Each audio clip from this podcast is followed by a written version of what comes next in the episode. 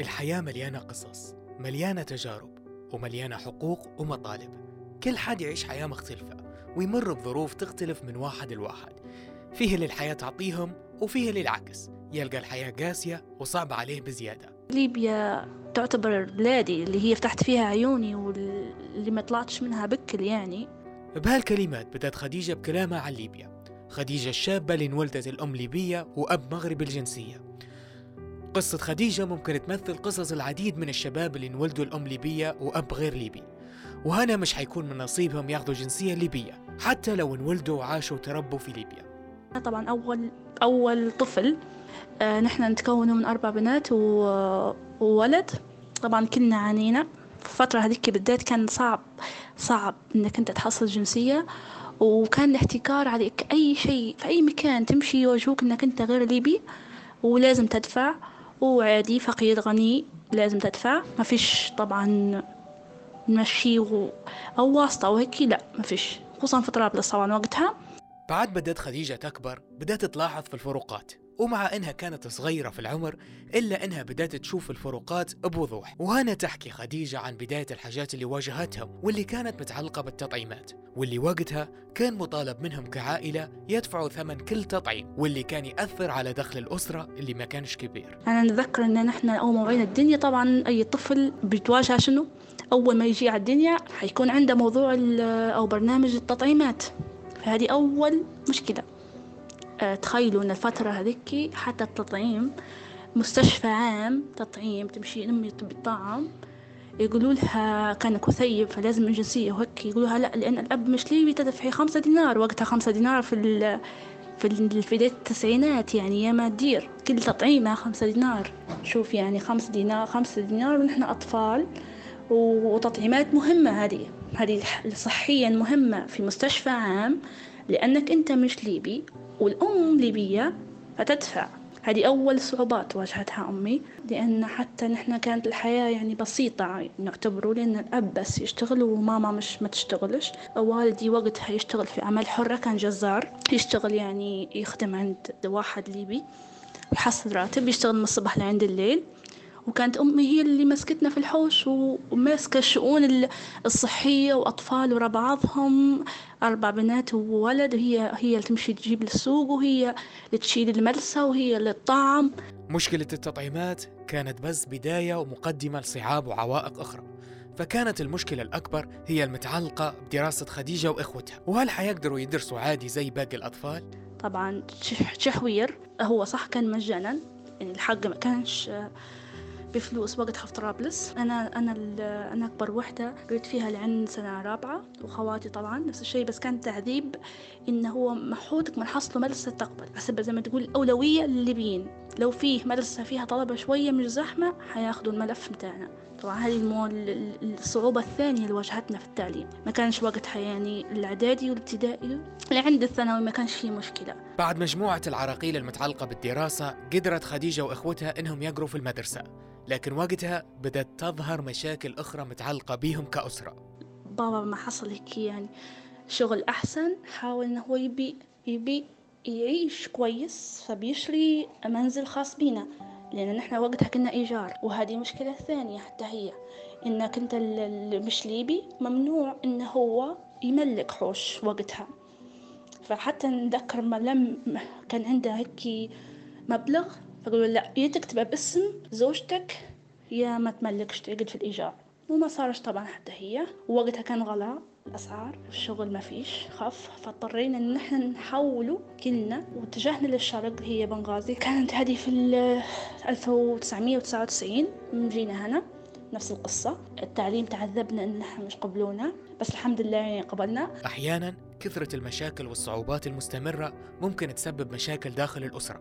فبسبب الضغوط والمشاكل انفصل والدي خديجة وهنا كانت علامة فارقة في حياتها. فوقتها قعدت هي وإخوتها مع والدتها اللي استلمت زمام الأمور عشان تحمي وتكبر عيالها في وسط مجتمعها. فأمي تعذبت وقتها اضطرت إنها هي تشتغل علينا. نحن مش تدفع حق الإيجار وتعيشنا حياة كريمة.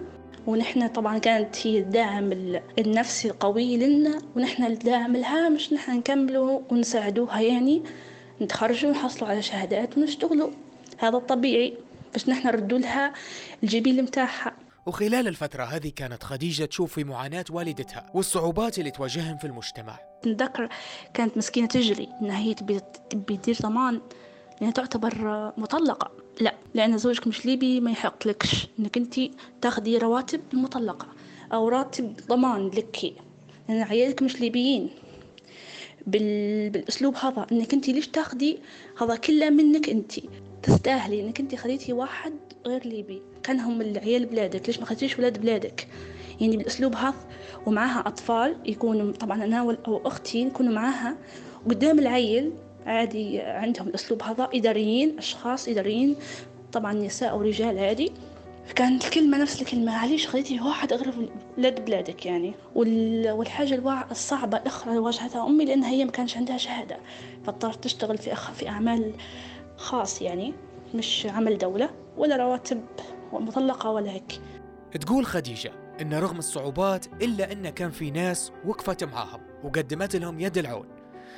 كبرت خديجة وإخوتها. في ظل تربية والدتهم اللي حاولت ما تنقصش عليهم شيء. ومع مرور السنين قدرت خديجة تستمر في دراستها بتفوق ودرجات عالية.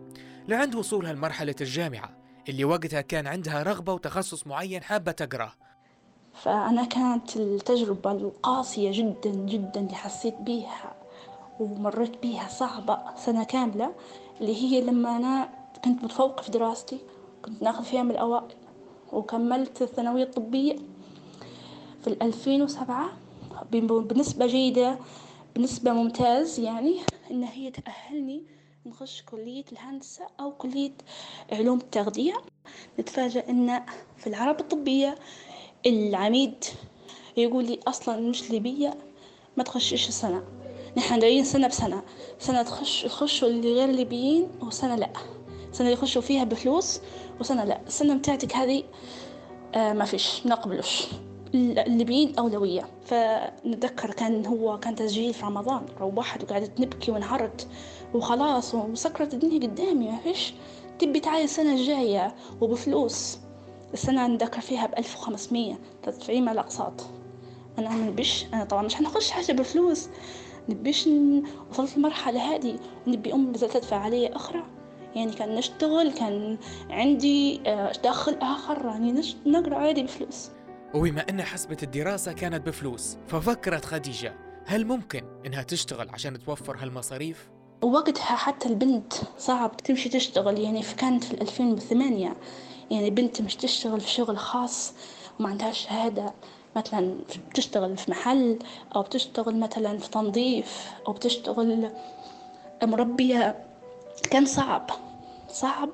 ضحت خديجة بحلم الدراسة بس كانت مهتمة إنها تكمل مسيرتها التعليمية عشان تحصل شهادة تضمن بها مستقبلها.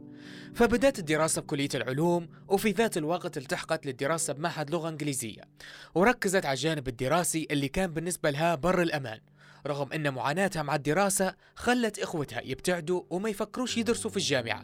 كونهم شافوا اللي مرت به أختهم. بس مع هيك قدرت خديجة تخرج وتاخذ الشهادة. بس هل كان لها فايدة؟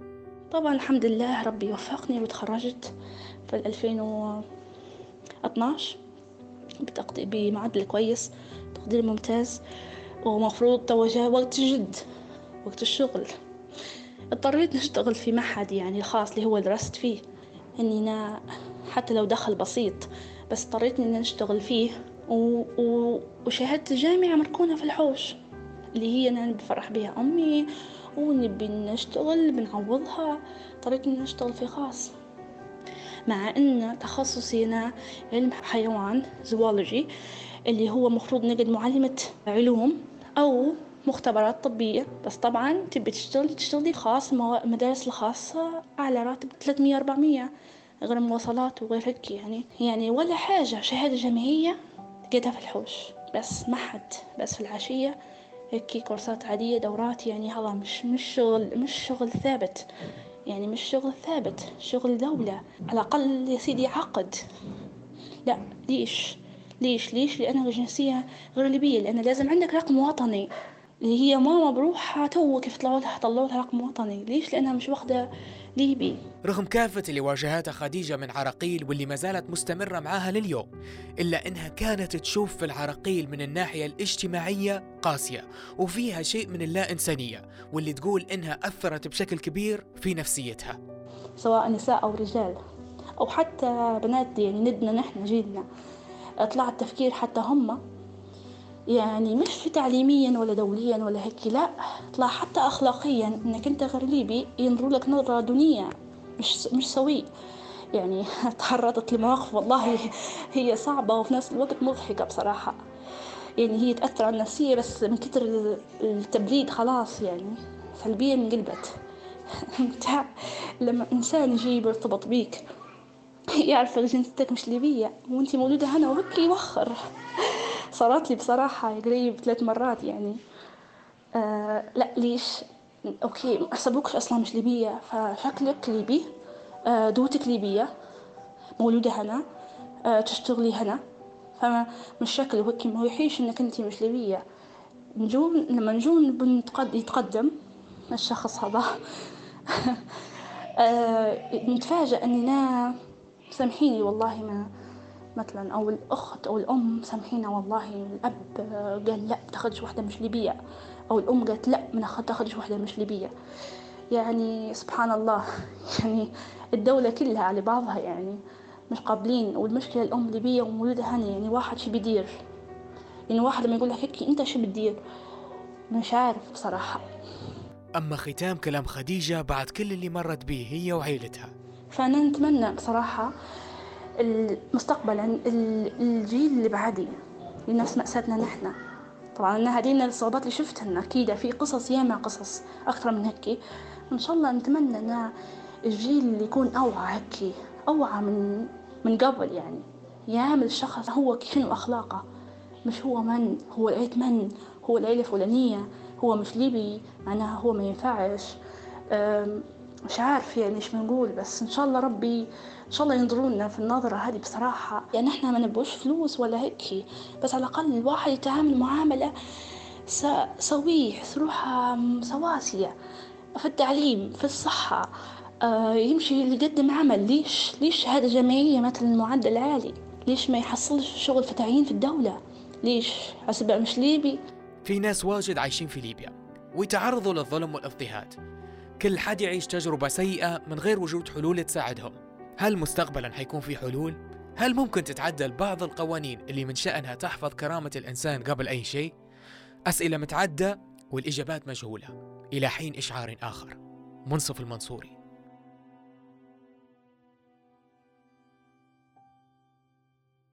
هذا العمل نتاج تدريب بالشراكة مع المنظمة الدولية للتقرير عن الديمقراطية وأكاديمية دوتشيفيلا.